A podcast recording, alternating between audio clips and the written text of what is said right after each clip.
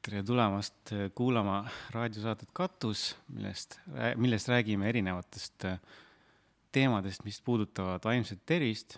Ja seni on üldiselt saated olnud sellised isiksushäired või meelehäirete kohta, ka lisaks muidugi lähisuhtevägivallast oleme rääkinud ja ohvriabist. aga täna on veidi teistmoodi teema, äh, räägime siis auti-, autismispektri häiretest, mis on pigem määratakse enamasti äh, arenguhäirete alla. Äh, ja need on, nõuavad teistsugust lähenemist kui isiksushäired või meeleoluhäired. Äh, täna on külas siis Marianne Kuzemtšenko, kes on Eesti Autismiliidu juhatuse esinaine ja lisaks ka ema, tere! tere teile kõigile, jah, see on tõsi, olen Autismiliidu juhatuse esinaine juba üsna kaua ja lisaks on mul äh, õnn ja au olla ka ühe autistliku noormehe ema juba kakskümmend kaheksa aastat. nii et äh, ma arvan, et ma tean natukene sellest teemast rohkem kui, kui tavainimene. no kindlasti. Ähm, ja võib-olla alustakski sellest, et äh, auti-, räägitakse autismispektri häireteks, mis see nagu eeldab mingisugust laia ampluaad või laia vaadet sellele autismile. mis, mis see spekter endast hõlmab?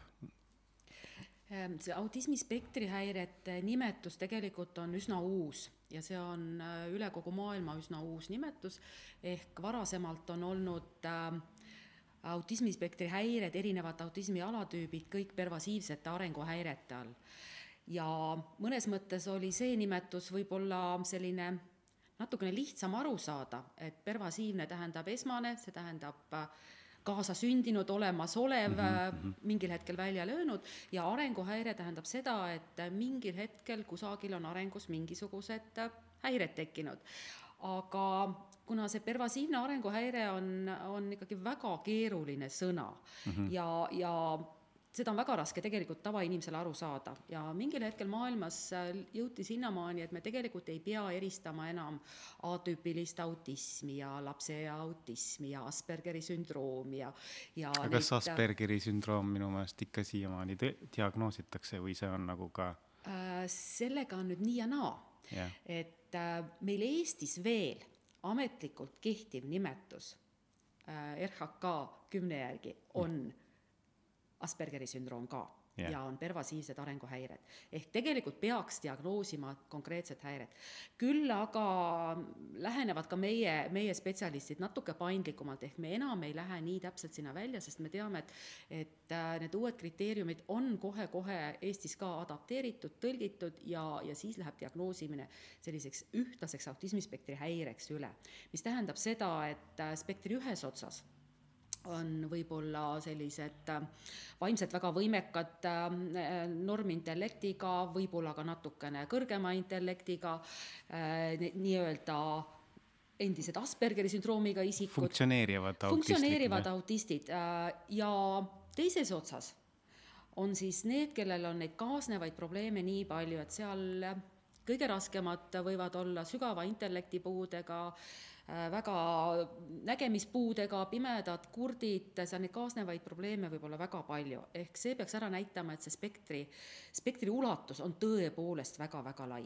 ja ma saan aru ka, et see on, see varieerub ka äh, aja jooksul inimesel, et ei ole nagu läbivalt üks ja sama, võib minna leebemaks, võib äh, minna hullemaks. jaa, selles mõttes see, see häire ise, iseenesest ei muutu Äh, ta muutub äh, teatud tegurite mõjul, ehk äh, kui te võtate kas või täitsa tavalise inimese yeah., siis äh, sügav lein äh,, väga suur trauma yeah. mõjutab inimest ju väga oluliselt, see mõjutab inimese käitumist. ja see mõju võib olla väga pikaajaline, see mõju võib olla ka tavainimese puhul täiesti jääv. ja täpselt sama on ka autismispektri häirega, ehk kui on saavutatud ähm, väga hea arenguaste, on olnud kõik, kõik keskkonnatingimused, kõik tingimused on olnud soodsad ja inimesel on olnud äh, on olnud võimalik väga hästi areneda mm -hmm. ja ta on jõudnud kusagile väga stabiilsesse punkti. ja siis tuleb mingisugune mõjutus, siis võib juhtuda, et, et see tagasilangus on väga sügav ehk inimene need nii-öelda omandatud oskused ja võimekused lihtsalt kaotab see peab olema väga suur trauma siis see võib olla väga suur trauma, see võib olla keskkonnamuutus, millega ei tule üks autistlik inimene enam toime. see võib-olla tähendab ka seda, et ta on juba keele omandanud, aga siis üks hetk nagu enam ja. ei oska teda. Äh, on olnud selliseid juhtumeid, kus ähm, väga sügava isikliku perekondliku äh, tragöödia tõttu, milleks autistlikule inimesele võib olla ka näiteks vanemate lahutus mm, -hmm. lõpetab laps kõnelemise ja suhtleb edaspidi näiteks kirja teel. mingil hetkel võib äh, areneda see suhtlemine küll äh, ühe vanemaga mm -hmm. kõneliseks, aga teise vanemaga ei pruugigi see taastuda. et äh, selliseid reaktsioone on olnud, kuidas seda vältida, mitte ühtegi head juhendit ei ole ei, noh, ei ole, draamasid juhtub siis, kui mm, ka kõige rohkem üritad seda vältida, et noh, et igas perekonnas võib juhtuda midagi. aga need, kes nagu nii-öelda hiljem välja lööb, see autism, neid on, ma eeldan, et neid on vähem kui neid, kes on sündinud sellega. no jätkuvalt siiski ollakse seisukohal, et autism on inimeses äh, olemas on kaasa sündinud. juba geneetiliselt, jah? Äh, ei ole olemas autismigeeni.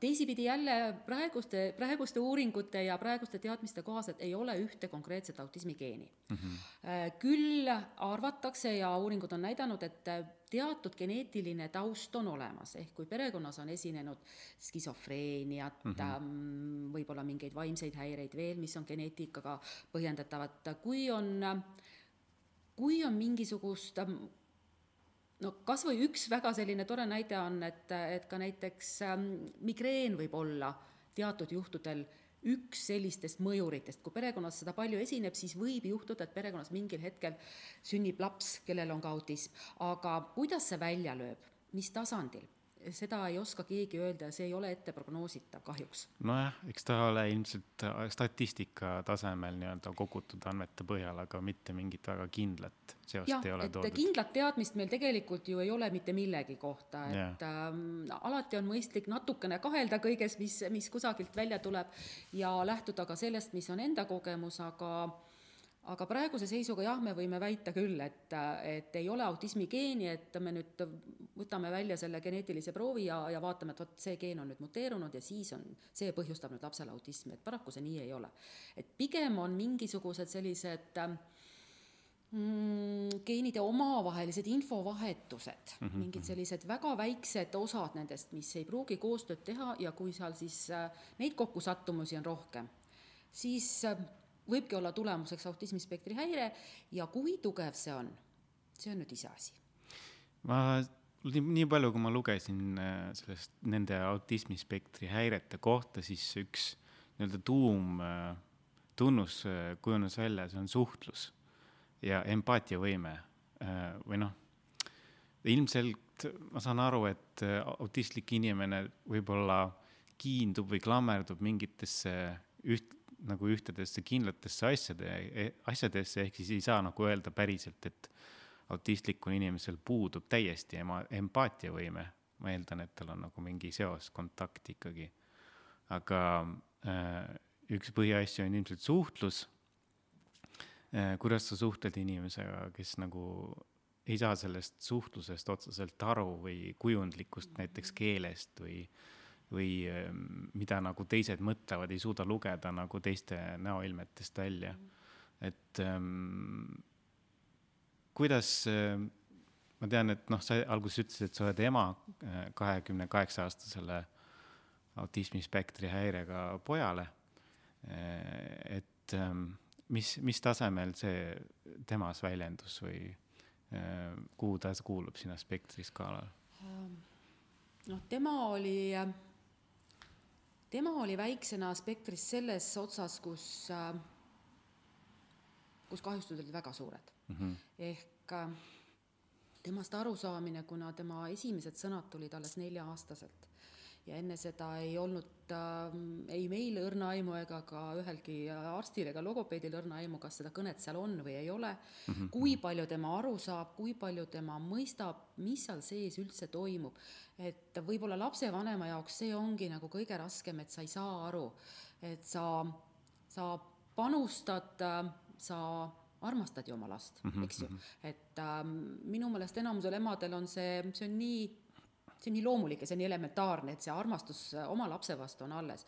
ja noh, nüüd äh, väga palju aastaid hiljem võin ma öelda, et äh, tegelikult ei ole vahet, milline see laps sul on mm. -hmm. kas tal on see empaatiavõime, mis tasa, tasemel see on, kas ta näitab oma armastust, kas ta näitab oma suhtumist, kas ta oma hellust välja näitab või, või kui palju tema areneb, ta on ju minu laps ja ma armastan teda ikkagi jätkuvalt tingimusteta, see lihtsalt on minus sees, see ei ole see, et ma valin selle, et ma nüüd teen nii või ei tee naa.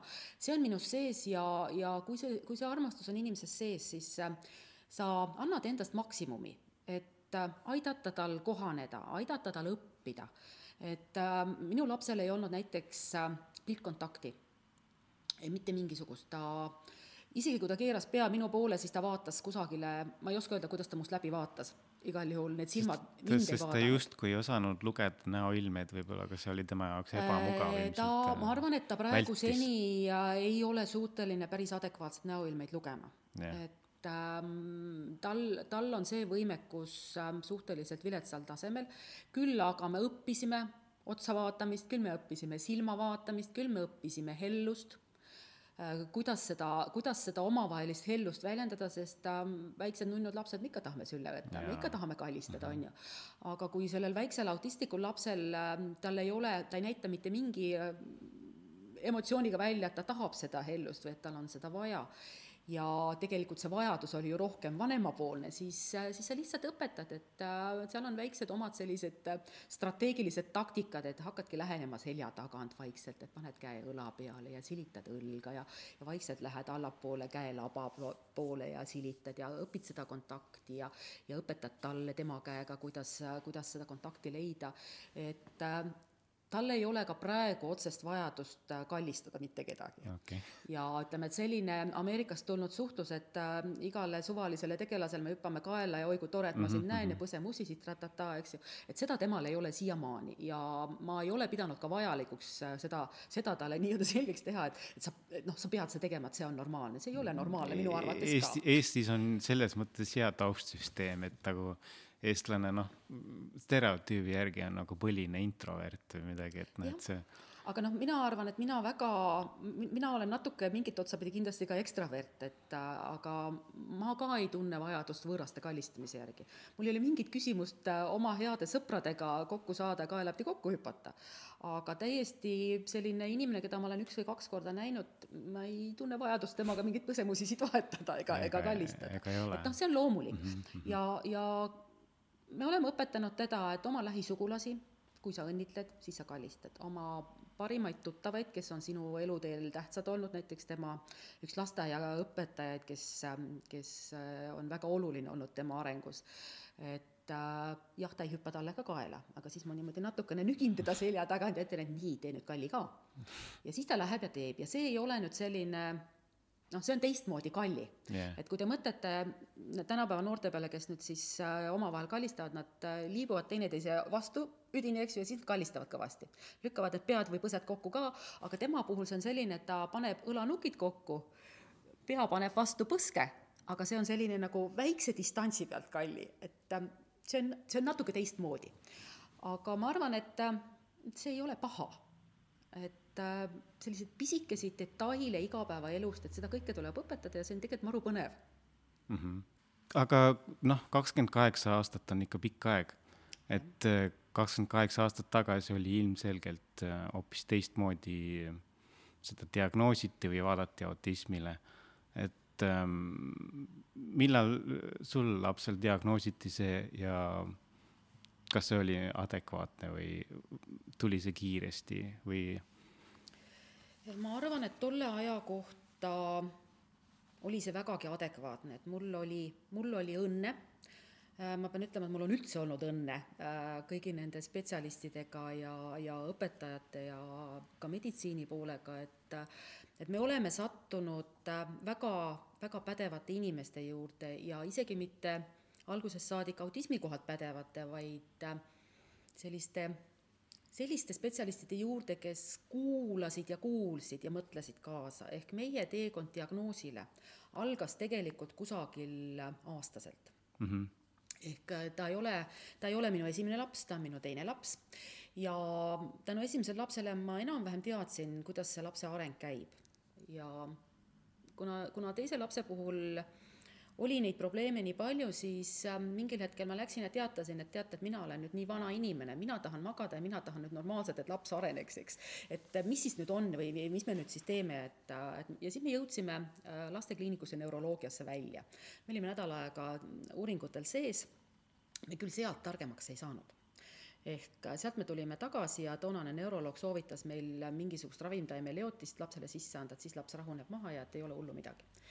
aga kuna laps oli siis peaaegu aastane mm -hmm. ja tal ei olnud äh, sõnu mm, -hmm. aga selles vanuses sellised esimesed häälimised ja esimesed silbid peaksid lastel tulema. ja sealt me saime suunamise äh, kuulmiskõnekeskusesse logopeedi juurde ja sellest logopeedist meie teekond alguse sai, ehk me käisime selle logopeedi juures nii-öelda kõnet arendamas ja õppimas kusagil peaaegu aasta, kuni ühel hetkel logopeed ütles, et tead, et ma olen nüüd jälle uurinud ja, ja küsinud ja vaadanud, et et ma ei tea küll sellest diagnoosist väga palju, aga mulle tundub, et võib olla tegemist autismiga mm. -hmm. et et, et mis te arvate, kui te läheksite äh, laste, lastekliinik, laste, mitte lastekliinikusse, vaid lastepsühhiaatria, lastepsühhiaatri vastuvõtule, et sel hetkel oli äh, psühhiaatria kliinikus üks selline tore üksus nagu Legoteek, et äh, seal oli üks väga vahva eripedagoog, kes seda autismi osa vedas, Maret Rander mm, -hmm. tervitused talle, ükskõik kus ta ka praegu ei asu, et tema on üks väga, väga oluline inimene olnud paljude laste juures. ja sealt sai nii-öelda meie teekond alguse, et me käisime ka seal õppimas, kuidas mängida, kuidas arendada, kuidas lapse tähelepanu köita ja sealt me jõudsime siis lastepsühhiaatri juurde edasi ja, ja, ja siis tehti erinevaid teste erinevate spetsialistide poolt ja sealt me jõudsimegi diagnoosini, ehk meil see teekond diagnoosini tõenäoliselt võttis kuskil peaaegu aasta. no see on ikka võrdlemisi suhteliselt kiiresti. oli see ikkagi suhteliselt ruttu, sest Eestis väga palju neid diagnoose ju väga pandud ei olnud, see oli suhteliselt uus ala, mitte mingisugust kirjandust ju eestikeelset ei olnud, internetist mm -hmm. noh, unustage ära, mis asi on internet, internet, kuna see tuli alles, on ju, mhm. et tegelikult ei olnud mingit infot, et olid üksikud ingliskeelsed raamatud ja, ja ja Maret Randeri käest sain ma ka ühe raamatu äh, lugeda ja siis, kui ma seda raamatut lugesin, et äh, noh, esimene asi, mida vanemad otsivad, eks ju, et miks mina, mille eest mind karistati, mis ma valesti tegin, kes on süüdi. ja noh, ega ma ei ole erinev, ma olen täitsa tavaline lapsevanem ja mina otsisin samamoodi. ja kui ma tookord neid põhjuseid tagasi, taga ajasin ja lugesin seda raamatut ja kui ma jõudsin seal raamatus siis äh, selle etapini, kus ühe võimaliku põhjusena, kuna kõik muud olid juba välistatud minu puhul mm, -hmm. siis kui ma jõudsin ühe võimaliku põhjusena, põhjuseni äh, tol hetkel, et äh, põhjuseks võib olla ka see, et vanemad on liiga intelligentsed, siis mingi asi minus nagu lõi selle kaane peale ja ma tundsin, et noh, kuulge, kui loll saab olla. ei ole mõtet otsida et, seda. et noh, ega siis Süüdlast, see, kui sul on kõrgharidus, see ei tee sind automaatselt üliintelligentseks, eks ju, ja seda enam, et isal ei olnud ju kõrgharidust, et me olime täitsa tavalised keskmised Eesti inimesed ja, ja, ja siis ma lõpetasin ära selle põhjuse otsimise ja ma arvan, et mhm. äh, kui seda põhjust äh, suhteliselt kiiresti nii-öelda üles ei leia ja vahel ei leiagi seda üles, siis äh, see ei ole see, kuhu kinni peaks jääma, et oluline on sealt edasi nüüd see samm teha. mis on see, mida selle lapse jaoks teha? kuidas me aidata saame, kus on see kool, kus on see lasteaiarühm, kus on need õpetajad, kus on need teenused? see on see, mida me tegema peame mõtlema, mis valdkonnad on lapsel kahjustatud, kuidas me õpetame, kuidas me arendame. Ja mis, mis nagu minu jaoks veel, kui, kui mõelda teiste vanemate peale, siis mis minu jaoks oli nagu hästi tol hetkel hästi kummaline, et, et kui ma küsisin, et no aga mis siis edasi saab, eks ju, et noh, kuhu me siis nagu jõuame või, või mis see tulemus on, kuhu siis, kuhu siis lõpuks edasi jõutakse, siis äh, selle kohta ütles tookord meile lastepsühhiaater, et, et tegelikult ei oska mitte keegi öelda, mis tulevik toob. kõik sõltub sellest, mida te teete, kuidas te teete ja kas ta on võimeline selle kõigega kaasa minema. ja nüüd tagantjärgi ma ütlen, see oli kõige õigem asi, mis ta mulle öelda sai, sellepärast et tõepoolest me kõik unistame sellest, et neist saavad iseseisvalt toime tulevad, ähm, intellekt areneb, kõne areneb, oskused arenevad ja ta saab ühel hetkel iseseisvalt hakkama, aga tegelikkuses me ei tea. ja me ei saagi seda ette teada kahjuks. jaa ähm,, kui sa said teada sellest diagnoosist, ehk siis või siis isegi siis sellest pärast diagnoosi ähm, millal, millal sa aru said, et noh, et sellest tuleb üks pikk rännak ja mis tunne sul sellest oli? Noh, et ette juba, kas sa tundsid mingit väsimust või olid sa kohe hakkamas minema uh,? sellele ma ei mõelnud, et sellest tuleb pikk rännak, sellepärast et ähm, see igapäevaelu paneb su sellise pressi alla, et sul ei ole aega fantaseerida, unistada, mõelda, vaid sa lihtsalt äh, teed, järjest mõtled, kuidas ma nüüd selle probleemiga hakkama saan, kuidas teisega, mis nüüd teha annab ja kuidas, kuidas ellu jääda. Sest äh, sel hetkel, kui meie selle diagnoosi saime, siis äh, äh, mis asi on tugiteenused, eks ju äh,. sel hetkel ei olnud ju mingeid tugiteenuseid Äh, sa oled õnnelik, kui sa leiad selle rühma, need vanemad, kes elasid tol hetkel Tallinnas või Tartus, nendel oli võimalus. aga väikestes maakohtades ei oodanud ükski tavalasteaed su last mm. -hmm. ja sa ei hakka kusagilt, äh, ma ei tea, kaugelt maakonnast vedama last linna, seda enam, et need erirühmad, need vähesed erirühmad, mis olid, need olid ju mõeldud ikkagi linnalastele, need olid ju linna, linna makstavad äh, lasteaiad ja sinna ei oodatud mujalt lapsi väga ja kohti ka ju ei olnud nii palju. ja oleme ausad, meil ei olnud ka ju väljaõppinud õpetajaid, spetsialiste, ehk neid oskusi meil ju ka oli väga vähe. et äh, ma lihtsalt äh, tegin seda, mida ma oskasin, kuulasin, õppisin, tagantjärgi ma võin öelda, et ma oleks võinud väga palju asju ka teisiti teha, aga see on tagantjärele tarkus ja see ei vii mitte kuskile. et ähm, ma olen selles mõttes ka iseendaga rahu teinud, et ma ei ole teinud väga olulisi vigu. Et ma olen olnud võimeline kuulama ja, ja kaasa tegema seda, mida kas õpetajad või kasvatajad on soovitanud ja ja ma ei ole ajanud jäärapäiselt mingit oma enesenägemust, et minu lapsest saab väga võimekas äh, professor. et äh, mul ei ole seda soovi ega unistust kunagi olnud, et ma tahtsin ainult, et et me saame toimida nagu normaalne perekond, ma saan lapsega välja minna, ma saan lapsega külastada näiteks kino ja ma ei pea hulluks minema ja mu lapsele ei näidata näpuga ja see protsess, et laps saaks kinno kaasa tulla või et ma saaks näiteks lapsega teatrisse minna mm, -hmm. see õppeprotsess oli minu jaoks ju noh, ütleme kõik need õppeprotsessid, erinevad äh, ühiskondlikes kohtades käimise protsessid, need olid väga keerulised ja pikad. ehk äh, olen näinud küllalt neid, kes näpuga näitavad ja mul ei ole olnud häbi, aga mul on olnud kohutavalt valus, sest no, ma, noh yeah., ma arvan, et kõik vanemad on samasugused. ja see, et see teekond on nii pikk ja, ja et see teekond kestab tegelikult äh, igavesti yeah., sellele ma ei osanud mõelda äh, pigem hakkasin ma mõtlema sellele, kui, kui mu poeg lõpuks gümnaasiumi lõpetas, et äh, siis ma hakkasin mõtlema, et nii, nüüd me oleme selles punktis, kus tegelikult äh, normaalsed lapsed lähevad kodust ära. ta-taa, vanemad hakkavad oma elu elama, aga äh, see nii paraku pole läinud ja eks see, eks see mingil hetkel ka see leppimisprotsess oli keeruline, et äh, kogu see, kogu see diagnoosi saamine ja sellega toimetulek tegelikult on on, äh, psühholoogid ütlevad ju, et kuidas leinaga toime tullakse, eks mm, -hmm. et äh, mhm. see, see käib kõik, läbi kõik need etapid. Äh, tõenäoliselt selle vahega, et, et sa päris välja sealt ei tulegi.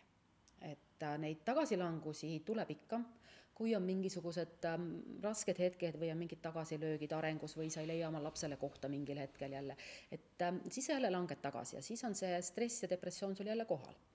Aga aastatega sa õpid natukene iseennast ka rohkem tundma ja, ja iseendaga toime tulema ja, ja need tagasilangused iseenda jaoks ei ole nii sügavad enam. ehk sa tead, et, et noh, jama on, nutad oma peatäie ära ja siis mõtled, et ah, põrgusse. homme on päev, hakkame homme nullist pihta, vaatame, mis me edasi teeme ja, ja hakkad jälle mhm, mõtlema ja kavandama ja nii ta läheb ähm,. jah, ma eeldan, et ka veel varem kui kakskümmend kaheksa aastat tagasi ilmselt siis äh, need autistlikud inimesed kas olid väga mittemõistetud koolis või siis üldsegi kodused. et ähm, noh, ongi kodune inimene, aga tänapäeval ma saan aru, et on nagu vähemalt see Tartu Herbert Masingu kool on erikool, kus saab äh, autistlik inimene adekvaatset haridust, tema nagu vajadustele vastavat haridust et mul on hea meel, kas Eestis on veel mõni kool või lasteaed? Jaa, tegelikult Eestis on mitmeid koole ja, ja noh, kui päris, päris ausalt rääkida, siis tegelikult on Eesti ühinenud ka nii-öelda kaasava hariduse põhimõtete ja eesmärkidega ja, ja tegelikult peaks iga autistlik äh, laps või noor saama omale võimetekohase hariduse. ehk see tähendab, ka tavakool peaks suutma pakkuda talle õigeid tingimusi. no see on, see on eraldi küsimus, sest äh, noh, mina mõned aastad tagasi, siiski nüüd ähm, juba umbes viisteist aastat tagasi lõpetasin kooli, äh, siis äh, meil olid vahepeal sellised äh, maksimum nii-öelda kolmkümmend kolm inimest klassis. et ähm, sellises tavakoolis ähm, nõuda õpetajalt eritähelepanu ühele lapsele tollal oli noh, uskumatu, ses mõttes, et nad ei saaks, saa isegi sellise hulgaga tava, tavaõpilastega hakkama no see sama on ka tänapäeval, et, et noh, kolmekümne kolmeseid klasse vist ikka väga ei ole, aga oleme ausad, ka sellisel kahekümne neljasel klassil, kui seal on üks selline väga, väga keerulise käitumisega ja väga tundlik laps sees, siis noh, ei, ei saagi õpetajad väga nõuda lihtsalt tänapäeval on, on see võimalus, et äh, nüüd on see tugispetsialistide võimalus, eks ju, et mhm, kui mhm. on, kui on äh, Rajaleidja poolt ka soovitus, siis äh, kool peaks palkama siis tugispetsialisti, laps peaks saama lisa, lisaks tugiteenuseid, on muidugi võimalik ka individuaalõpe, on võimalik ka kodus õpe, aga noh, mina olen jätkuvalt ikkagi sellel seisukohal, et kui see laps on mingit otsapidigi võimeline kohanema, õppima ja, ja suudetakse talle õigeid tingimusi pakkuda, siis, siis me räägime ühest, me räägime ühest lapsest, kellel on suhtlemise probleemid, kes ei oska, kellele peab suhtlemist õpetama harjutama, õpetama ja tegema selgeks neid asju, et äh, kodus ei ole ju niimoodi. et tal isegi kui ta seda otseselt välja ei näita, et tal on vajadus oma eakaaslaste mm -hmm. või sõprade järgi, siis tegelikult ma olen enam-vähem kindel, et väga suurel osal neist see, see soov omada sõpra ja vajadus teiste inimeste järgi mingil kujul on olemas. kuidas nad seda väljendavad, see on hoopis eraldi teema.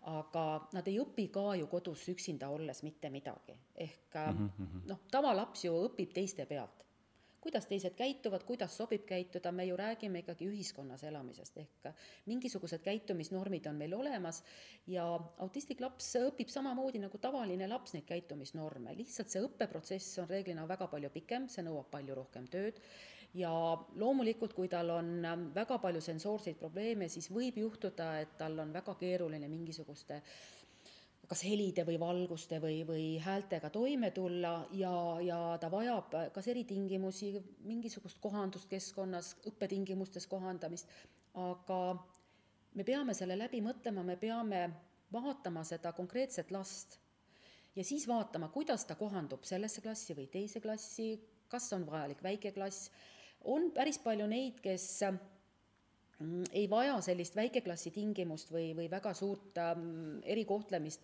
kes on suutelised ka tavaklassis hakkama saama. lihtsalt neil on vaja seal omad sellised ähm, strateegiad välja töötada nende endi jaoks ja ka klassi jaoks ehk äh, tänapäeva sellise väga valdava ja väga ulatusliku koolikiusamise tingimustes äh, autistlikud lapsed on, on väga, väga suur sihtgrupp, sellepärast et nende käitumine on üldreeglina erinev. Nad on algusest, noh, selles mõttes, et ma eeldan, et see koolikiusamine on alati olnud, et. ma usun ka, et lihtsalt on... ma kujutan ette, et need vormid on olnud võib-olla natuke teistmoodi ja noh, kui ma vaatan nagu oma enese lapsepõlve ja vaatan praegu seda, mis toimub, siis mulle tundub, et see on läinud palju kurjemaks, õelamaks, julmemaks ja selliseks äh, isegi võib-olla sihiteadlikumaks, et ei ole enam see lihtsalt korraks reageerimine mingisugusele asjale, mis mulle ei meeldi, vaid seda tehakse grupiga ja seda tehakse pikema aja jooksul. Ja see on kurb aga kui me mõtleme sellele, et üks autistlik laps oma käitumislike erisustega on see, kes ähm, tegelikult ju jääbki silma ja kes ei pruugi ju väga paljudele võib-olla üldse meeldida ja sobida,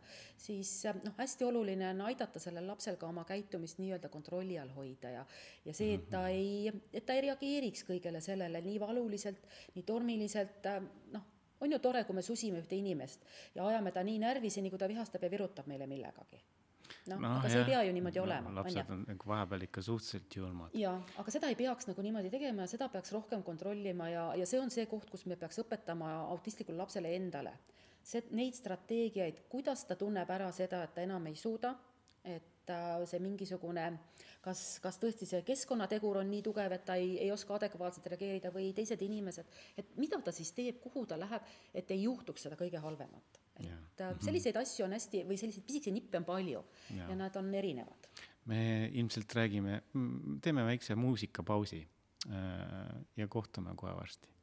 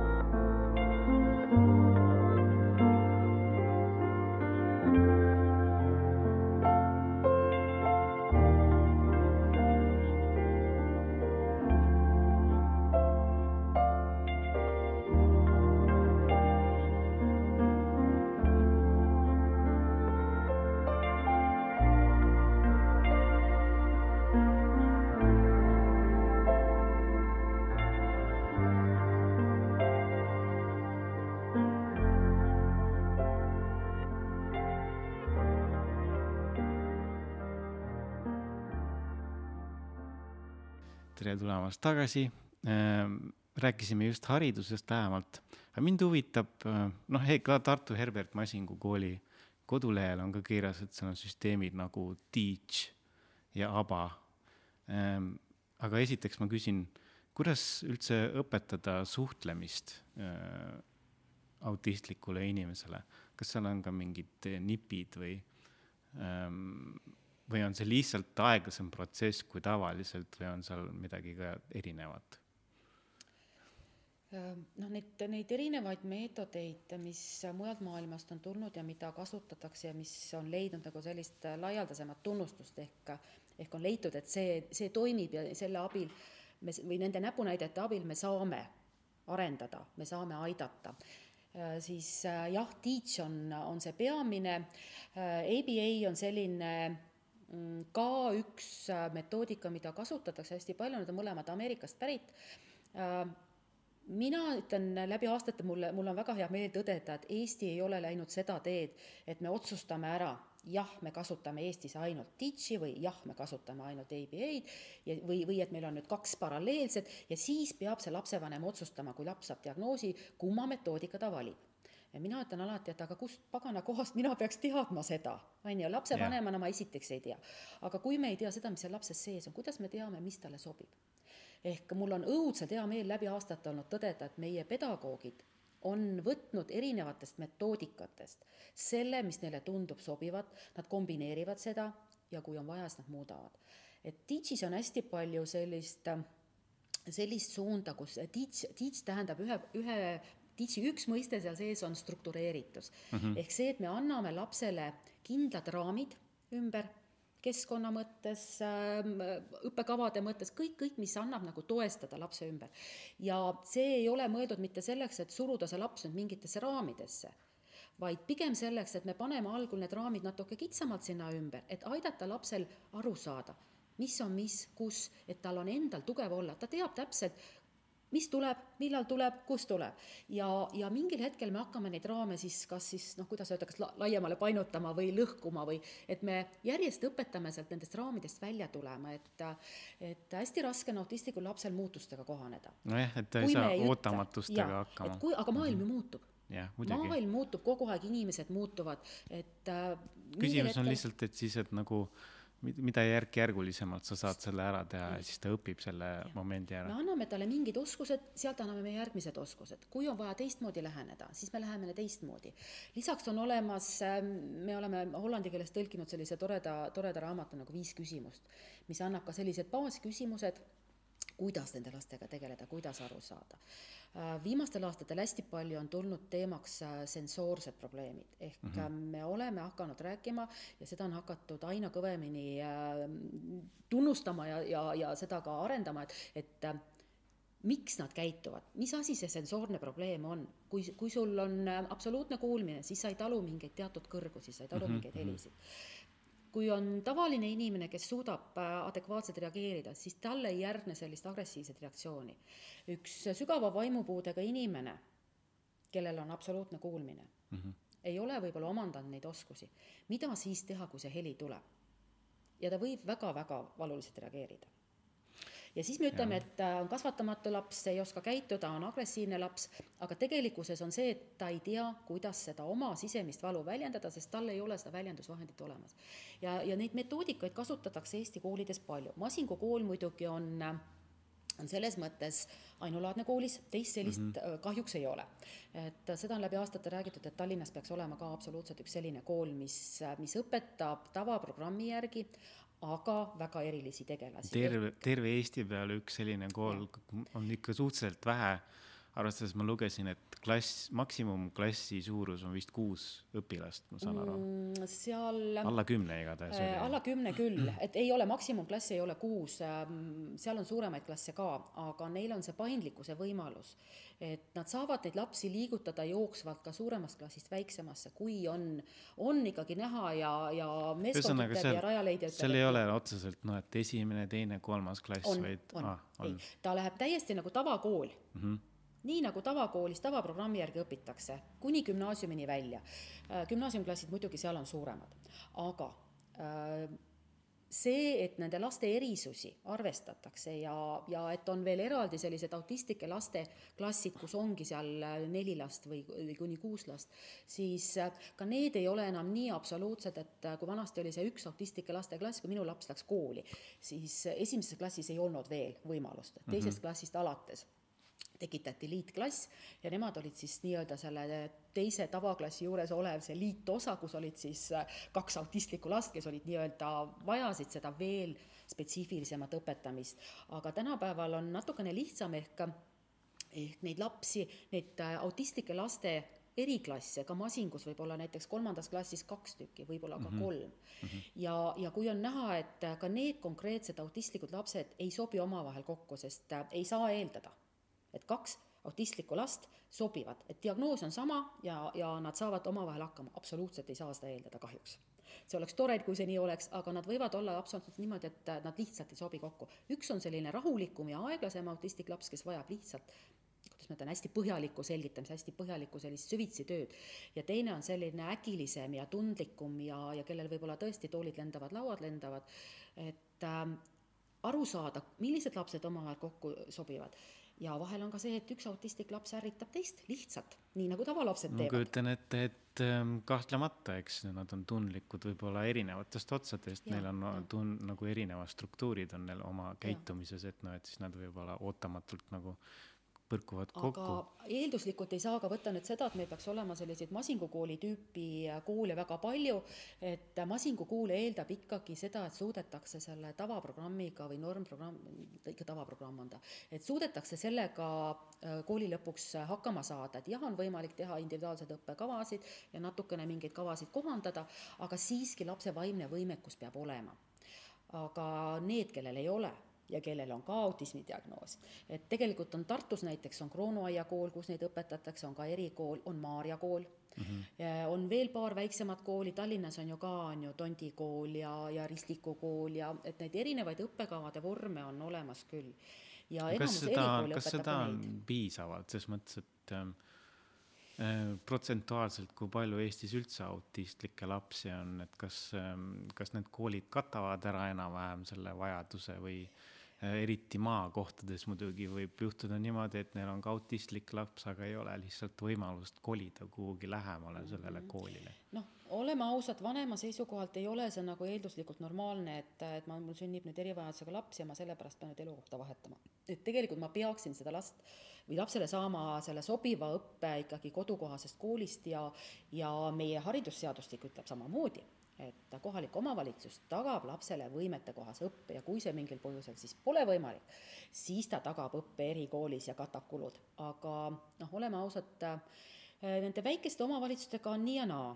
on neid kohti, kus on ähm, väike kool, äh, vähe lapsi ja on see erivajadusega laps seal, jah, õpetaja mm, on vahel hädas et õpetajal puuduvad ju oskused ja teadmised äh, ja samas on olnud väga mitmeid selliseid koole, kus see õpetaja on selline Äh, empaatiavõimeline ja tahab aidata ja tahab õpetada ja, ja tunneb, et ta saaks selle lapsega hakkama, õpetaja läheb, läheb ja õpib juurde, õpetaja küsib abi, äh, õpetajale võetakse võib-olla ka seal tugiõpetaja juurde ja noh, kuna maakoolides väga tihti ongi need klassid palju väiksemad, siis äh, mõne lapse puhul toimib see väga hästi sealsamas noh, see sõltub jälle konkreetsest lapsest, eks ju, et me ei saa üldistada mm. -hmm. on ka neid koole, kes teatavad kohe, et ei, mis mõttes ei, ei, ei, ei, ei, mingil juhul. ja noh, sellistel juhtudel vanemad ongi hädas. on ka selliseid, kes võiksid olla teatud kohandustega tavakoolides, ehk saaksid olla kaasatud tavakoolis tavaklassi, võib-olla mingid tunnid oleksid individuaalselt, aga osad tunnid saaksid teha teiste lastega koos klassis ja, ja väga, väga mitmes tavakoolis see toimib. enamus, ütleme selliseid noh, ka linnalähedasemaid suuremaid koole. On seda teed läinud, võetakse HEV tugispetsialist tööle, kelle ülesanne siis ongi läbi mõelda see, kuidas see laps oma hariduse saab ja, ja päris tihti see toimib. ehk sel juhul ei ole ju vaja kusagile mujale minna. Aga.... lapse see kodu ja süsteem on ju paigas. Yeah äh, millist osa Eesti Autismiliit äh, siin mängib, kas inimesed pöörduvad ka maakohtades teie poole nagu abi, abi küsima või inspo, info, informatsiooni küsima üldse? Äh, noh, meie abi osutamise võimekus tegelikult ei ole ju eriti suur, ehk ehk, ehk me ei saa minna kohale ja öelda, tehke nii või ärge tehke jah, aga te saate vähemalt lapsevanemale nagu selgitada, mis ja. võiks olla eeldatavalt nagu jah, et äh, me, me absoluutselt püüame läheneda selle lapsevanema vaatekohast ja, ja aru saada, et millest see probleem tekib, eks, et noh, vahel on ka see, et, et lihtsalt ei, ei räägitagi omavahel läbi seda teemat, ehk vanem eeldab ja, ja kool eeldab ja, ja kokku, kokku nagu ei saadagi ja nagu ei räägita sisuliselt läbi, et tegelikult võib-olla probleemi lahendus on väga lihtne lihtne aga mõnikord on tõesti see, et, ähm, et üks pool ajab lihtsalt oma arusaama järgi mingisugust joont mm -hmm. ja ta ei ole valmis kuulama, et noh, me ei saa öelda ju, et, et iga kool on kõigeks võimeline ja et noh, oleme ausad, me elame Eestis, kus, kus rahaline piir on kõigi kohtade pealt on ette määratud, eks ju aga alati ei ole raha see, mis mingisuguseid probleeme tekitab, vahel on ka see, et, et inimesed omavahel ei, ei saa hakkama, ei taha hakkama saada. et vot need kohad on, kus me nagu püüame, et kuulge, et noh, et ema võib ju olla selline või isa võib olla selline või mm -hmm, õpetaja võib mm -hmm. olla ju see ka inimlikult mitte sobiv, aga vaatame sellele lapsele otsa tegelikult on ju see laps see, kelle huvides peaksid need mõlemad pooled nüüd maha istuma ja, ja vaatama, kuidas me edasi läheme. et kui sellel lapsel on vaja teatud kindlaid tingimusi, mõtleme siis läbi kas me suudame, kas kodu suudab toetada, kas ähm, omavalitsus suudab näiteks transpordi tagada, kui on vaja näiteks noh, kas võib-olla on vaja kõrval omavalitsusse teise mm -hmm. kooli viia mm, -hmm. siis peaks ju kohalik omavalitsus tagama transpordi, kui vanematel ei ole, ei ole oma transporti. kui ei ole näiteks, kui transport on, aga raha ei ole, et niimoodi sõita, sest oleme ausad, see on küllalt suur rahaline kulu, siis peaks omavalitsus toetama. vahel on see, et omavalitsus teatab, et vot meie omavalitsuses on see kool ja te peate selle lapse nüüd sealt noh, see on natukene aega tagasi, et oli ühel pool linna oli üks erikool ja teisel pool linna oli teine erikool mm. -hmm. ja laps käis selles ühes erikoolis äh, kunagi alguses, aga Rajaleidja ja, ja muud spetsialistid leidsid, et tegelikult see teisel pool linna asuv äh, erikool on absoluutselt sobivam ja see oligi lapsele sobivam mm. -hmm. ja siis hakkas ühel hetkel kohalik omavalitsus ütlema, et ei, meie ei ole nõus maksma, me ei ole nõus ka transpordikompensatsiooni maksma ja, ja lihtsalt aeti seda, seda noh, ütleks otse välja kiusu, eks ju ja vot siis oligi see, et äh, jah, me tuleme ja aitame, me tuleme, paneme pead kokku, mõtleme, kuidas me selle omavalitsuse siis nii-öelda ära taltsutame, et noh, ei saa niimoodi ajada, et see laps on ju kõige tähtsam, et äh, see eeldab ka muidugi ähm, nii-öelda tublisid vanemaid, ega alati ja, see ei ole ja. tõsi, et nagu võib-olla ka vanemad ise ei saa sellest autistlikust asjast, neil on ka eelarvamus oma lapse suhtes üldse. Et ähm, noh, me räägime siin ideaalsetest tingimustest praegu võib-olla, et jah, no ideaali ei ole ju olemas maailmas, no, eks ju, et jah. ja vanemad on ka kõik väga erinevad ja, ja noh, mina oma pika ajaloo pära-, jooksul võin öelda, et äh, veab nendel lastel, kelle vanemad äh, on paindlikumad, kes õpivad piisavalt koos, avatud. piisavalt avatud, kes on võimelised ka kaasa kuulama ja mõtlema ja kes äh, ei sea mingisuguseid utoopilisi eesmärke endale ja ei näe kõrvalt võib-olla neid võimalusi, mis on ka olemas. ehk jah, raha ei ole kellelgi piisaval piisavalt. see on, see on kogu aeg niimoodi olnud ja ka jõukamad inimesed, nad maksavad küll mingi osa ise kinni, aga kuskil on nagu see põhimõtteline piir võib-olla ka, et et kuulge, et noh, et see ju peaks olema riigi rahastatav teenus ja ma, miks ma pean siis ise maksma, et miks, miks mina siis ei saa? noh, see ei tähenda, et mul on võib-olla natuke rohkem raha või mis asi on mhm, see -hmm. natuke rohkem, eks ju. et, ähm, et kui on ikkagi riiklikult peaks olema teenused tagatud, siis see kättesaadavus teenustel äh, peaks kaasnema selle diagnoosiga ja selle vajadusega mitte sellega, kui suur see rahakott on, et äh, me iga aastaga liigume järjest rohkemate teenuste poole, jaa mm. -hmm. Äh, aga me liigume ka sinnapoole, et see arusaamine, kuidas see teenuste kättesaadavus käib ja, ja kes maksab mingi teenuse eest ja kuidas see süsteem toimib. et äh, läbi viimaste aastate on väga palju räägitud seda ühe ukse poliitikat, et äh, kogu see äh, Äh, taotluste süsteem, et äh, kui me hakkame seda puuet taotlema või ütleme, täisealistelt see töövõime taotlus, jah, et viia see kokku ja, ja see mõte oli ju tookord ka selline, et, äh, et me teemegi selle taotluse ühe ukse süsteem ja inimene lähebki Töötukassasse, teeb sealt selle ühise taotluse, aga süsteem tegelikult mingil hetkel läheb kusagil põhimõtteliselt laiali ja kui on tegemist selliste lastega, kes ongi võib-olla sellised natuke võimekamad ja jah, töövõimekust me laseme hinnata Töötukassal, aga see et, ei ole, see ei ole alati nii olnud, see on viimastel aastatel, see on pärast töö, töövõimereformi. jah, see töövõimereform, ühest küljest äh, see töövõimereform tõi kaasa huvitavaid arenguid ja, ja, ja ma peaks ütlema, et väga kihvte inimesi ja väga suuri võimalusi. et varasemalt ju seda ei olnud. aga see, see on toonud kaasa ka ikkagi sellist, ma ei ütleks, et bürokraatiat aga see on toonud kaasa väga palju sellist kantseliiti ja, ja raskust aru saada, et noh, mis see puue siis päriselt on, mis on töövõime ja mis on puue, kust keegi taotleb midagi. kui minu lapsel hinnatakse sada protsenti töövõimetust mm -hmm. ehk äh, teoreetiliselt ta ei peaks tööl käima, ta ei pea olema sel juhul ka Töötukassas arvel. ja kui ma siis ikkagi eelduslikult arvan, et et ja ma näen, et sellel lapsel on olemas võimekus teha midagi mm. -hmm ja ma väga tahaks, siis see, et seda last võtta Töötukassas töötuna arvele, noh, minu konkreetsel juhul oli see selline natukene nagu, mis mõttes te võtate ta arvele mm? -hmm. ta ei pea ju olema, ma ütlesin, aga ma tahan, et ta on, mina ise ei leia seda töökohta, ma näen, et ma ei leia ja ma tahan juhtumikorralduse abi saada mm. -hmm kui me selle nii-öelda sellest künkast üle saime, siis edasi on väga hästi läinud, ehk äh, ma pean ütlema küll, et need juhtumikorraldajad, kellega mina tänu omale lapsele olen kokku puutunud, ähm, need on kullatükid olnud. Ehk äh, nad on kuulanud täpselt samamoodi, nad on kuulanud, mida ma räägin, äh, nad ei võta automaatselt seda ilusat, kena välimuselt täiesti tavalist normaalset noormeest nii-öelda normaalsena ja nad ei võta automaatselt seda, sest noh, kui tema käest küsida, kas kõik on hästi või kas sa saad seda? jaa. ja siis, kui mina küsin kõrvalt, et aga mis tähendab see, et sa saad? kuidas sa saad punktist A punkti B? kui sa jala ei lähe sealt äh, üle suurte maanteede, kui sa ühistransporti ei kasuta, kui sa rattaga ei sõida üle suurte maanteed, kuidas sa saad? no sa viid mm. -hmm. aga sa ju ei saa. et, et see, et juhtumikorraldaja mõtleb kaasa või et vastas, vastas olev inimene saab aru, mida tegelikult tähendab see võimekus või, või milliseid tugisüsteeme sinna juurde vaja on, et noh, on ka teistsuguseid juhtumeid olnud, aga enamasti need, kes on sinna juhtumikorraldajale tööle sattunud, et et kui nad kuulavad ja kui nad kaasa mõtlevad, siis, siis ähm, jah. no ma arvan, et see on üldinimlik ses mõttes, et ähm, kui, kui sa kuulad, sa saad rohkem aru.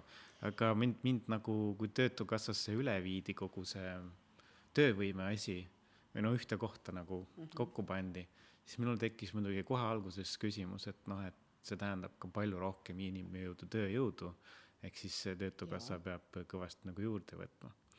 aga võib-olla äh, räägime teisest asjast, äh, ütlesid, et sul laps võib-olla võib öelda jaa, aga ta ise ei teadvusta endale, kas ta sellega hakkama saab. et ähm, kuidas see äh, näiteks sinu lapsega isiklikult on eneseteostuse küsimus, nagu millal ta tunneb, et ta nagu äh, teeb midagi või millest ta rõõmu tunneb, äh, mis talle pakub, et see ei pruugi olla isegi ähm, töö, sest noh, tööst räägitakse päris palju, töövõimest, et ta on, et, et üks eesmärkidest on, et autistlik inimene, kui ta siseneb tööturule, siis tal võiks nagu midagi seal tekkida, et see on nagu see asi, mis nagu annab iseseisvust ja see näitab, et ta on edasi arenenud aga eneseteostus üldiselt on ka väga laiem mõiste, noh, ses mm -hmm. mõttes, et see ei pea tingimata tähendama tööd, vaid see tähendab seda, et ähm, ta saab millegi, millegagi hakkama, ta teeb midagi, mis talle meeldib. et kas sa. rahuldus sellest. E, jah, täpselt, kuidas sa oma lapse pealt oskad öelda, kas sa oskad lugeda seda tema näost, kui tema ei oska teistel nägusid lugeda, kas sina tema nägu oskad lugeda? no ma arvan, et ma olen äh, mitte, mitte täiuslik selle koha pealt, et äh, aga ma oskan päris palju tema äh, kusjuures tema näoilme on hästi staatiline ja sellist noh, kui mina, mina aga ta kuidagi ikkagi vist näitab mingit silmadest. positiivset reaktsiooni, eks ole? tema silmad reageerivad, et kui aha. midagi on viltu, siis, siis kui ma, kui ma suudan ta silmadest selle kätte saada, siis ma tean, et kuskil on mingisugune uba toimumas ja mingi jama ja samamoodi on, ütleme, selle positiivse emotsiooniga, et ähm, ta ei reageeri kõigele. et ma küll küsin ja ma pakun erinevaid asju, et noh, mis mina, mis, mis on nagu üks asi, mis talle väga on sobinud, mis on tulnud mingil hetkel, mina ei tea, millest see tekkis, aga igatahes äh, ta on metallmuusika fänn. Aha. Äh, selle kõige, kõige hullema otsa, otsa metallmuusika verised ja rasked asjad ja äh, siis on... järelikult tal kuulmise mingit reaktsiooni nii metsikult ei ole äh,, müra taustal tal on ah. olnud väga-väga tugev äh, kuulmistundlikkus. Ja me oleme sellega väiksena väga suurt tööd teinud, ehk me oleme, me oleme treeninud, see tähendab seda, et mina olen kodus treeninud ja lasteaias tehti paralleelselt tööd, ta oli väga tundlik äh, kas või tolmuimeja suhtes ta ei kahvi tänapäevani tolmuimejat, aga kui ma ütlen talle, et nii, sinu kord on nüüd oma tuba puhtaks teha, alt võta ka vaip puhtaks tolmuimejaga, siis noh, seal on nagu kaks vastumeelset, üks on see tolmuimeja ja teine on see, et ta peab mingit tööd tegema, mis talle ei meeldi, on ju. aga, aga noh, see vastumeelsus, see on ületatav, sest seda peab tegema. aga ütleme, et sellest kuulmistundlikkusest selle koha pealt me oleme jagu saanud, et need trellid ja puurid ja need ei meeldi talle jätkuvalt, aga see ei tekita temas seda äh, noh, ta oli väiksena see tüüp, et äh, tal tõmmati juhe seest välja.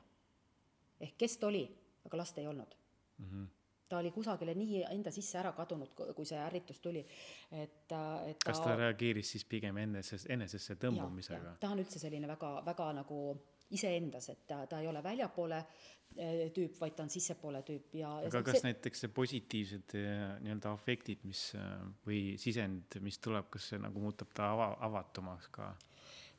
Jaa, aga see ei ole pikaajaline avatus, ehk no, äh, peale seda väga mõnusat ähm, kogemust äh, noh, kui sa küsid, et kas sulle see kontsert meeldis, siis noh, tavaliselt tema selline jaatav vastus on vist, võib-olla. ja noh, seda ma olen proovinud ka murda. parem kui ei. Äh, jah aga ma olen proovinud seda murda, ma ütlen, et kui sulle tegelikult meeldib, siis sa ütledki jah, eks ju, et vist öeldakse siis, kui sa ei tea.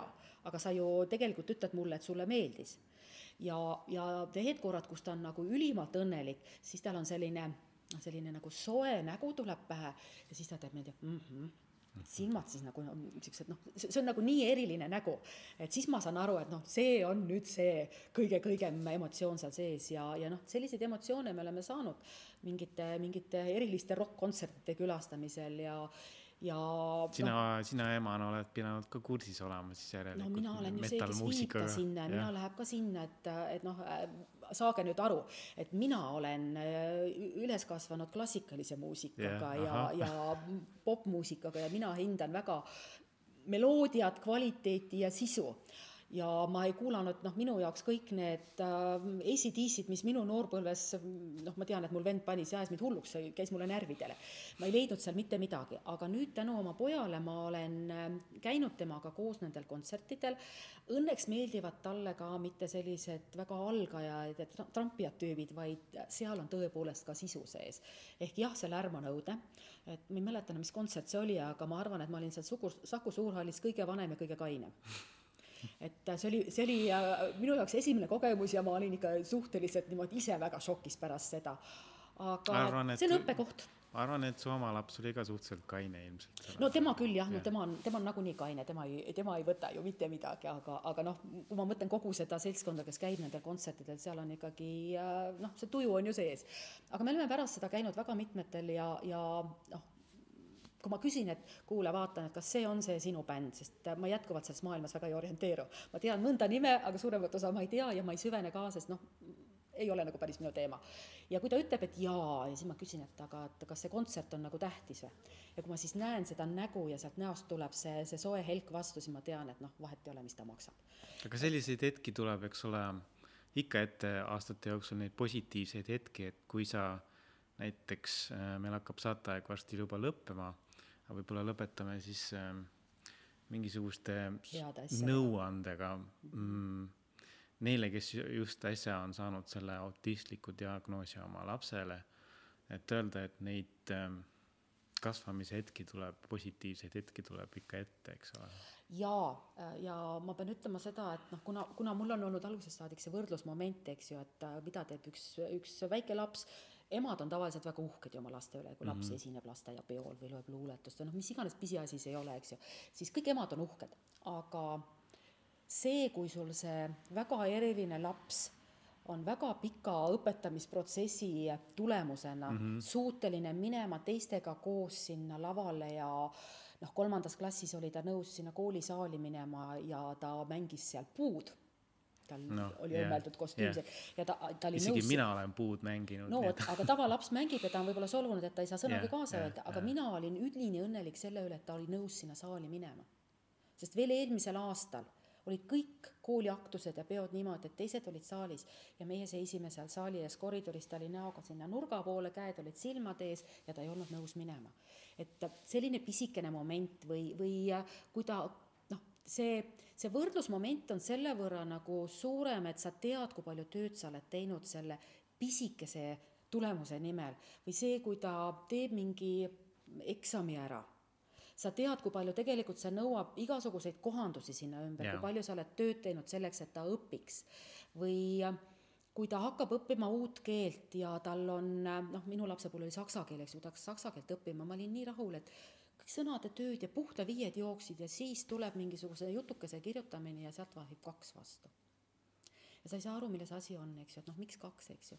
ja, ja õpetajaga ja siis tuli arenguvestlus ja õpetaja küsib, et tema ei saa ka aru, mis toimub ja, ja, ja siis me jõudsime, jõudsime sinnani, et aga tegelikult ei ole küsimus keeleoskuses, küsimus on eneseväljendusoskuses. ehk kui õpetaja ütleb talle, millest ta kirjutama peaks, siis ta kirjutab selle saksa keeles väga õigesti aga ta peab talle ütlema, et kus sa suvel käisid, mis sa tegid, mis sulle seal meeldis ja siis ta kirjutab. jah, aga. aga see on see emotsioon, mis tuleb selliste väikeste ähm, hetkede pealt, see on, see on tegelikult nii võimas ja see on see, mis vanemana püsti hoiab. et kunagi ei maksa eeldada midagi, kunagi ei maksa oodata midagi. tuleb tunda rõõmu sellest, mida te saate. Äh, pakkuge oma lapsele kõike, mis vähegi pähe tuleb ei maksa arvata, et nad on füüsiliselt kohmakad, nad ei saa hakkama. käivad väga kohmakad ka mäesuusatamist tegemas ja leitakse no, see, oleneb, jah, eks ta oleneb, mis, mis tasemel, eks ole. aga kõik need lapsed on nii ägedad ja, ja see positiivne kogemus, see tegelikult, see tegelikult nullib natukene seda, seda negatiivset ja seda jama ja kogu seda pinges olemist ja, ja tõmblemist, mis selle lapse ümber tegelikult kaasneb tervele perele. et äh, see rõõm, kui su laps kuskile jõuab ja, ja kui ta midagi teeb, et äh, see on võimas rõõm ja selle ja. nimel tasub vaeva näha. aga ma arvan, et see on väga hea, äh, võiksime edasi rääkida siin umbes tund aega veel, aga ma arvan, et see on hea moment, kust lõpetada. et ähm, aitäh, Marianne, saatesse tulemast. Äh, ma loodan, et inimesed äh, said uuemat infot ja äh, julgustust, kui nad isiklikus elus sellise teemaga veel kokku puutuvad. Ähm, jah, aitäh kas ma võin lõppu veel öelda ühe niisuguse toreda mõtte, et no, see diagnoosi saamine ja. ei ole maailma lõpp. see muudab teie maailma ja te peate selle muutusega kohanema, aga see ei ole maailma lõpp, see avab uusi uksi, see avab uusi võimalusi ja see avab iseenda jaoks ka väga palju uusi arenguvõimalusi. aitäh teile! väga tore, aitäh kuulamast ja kuuleme järgmine kord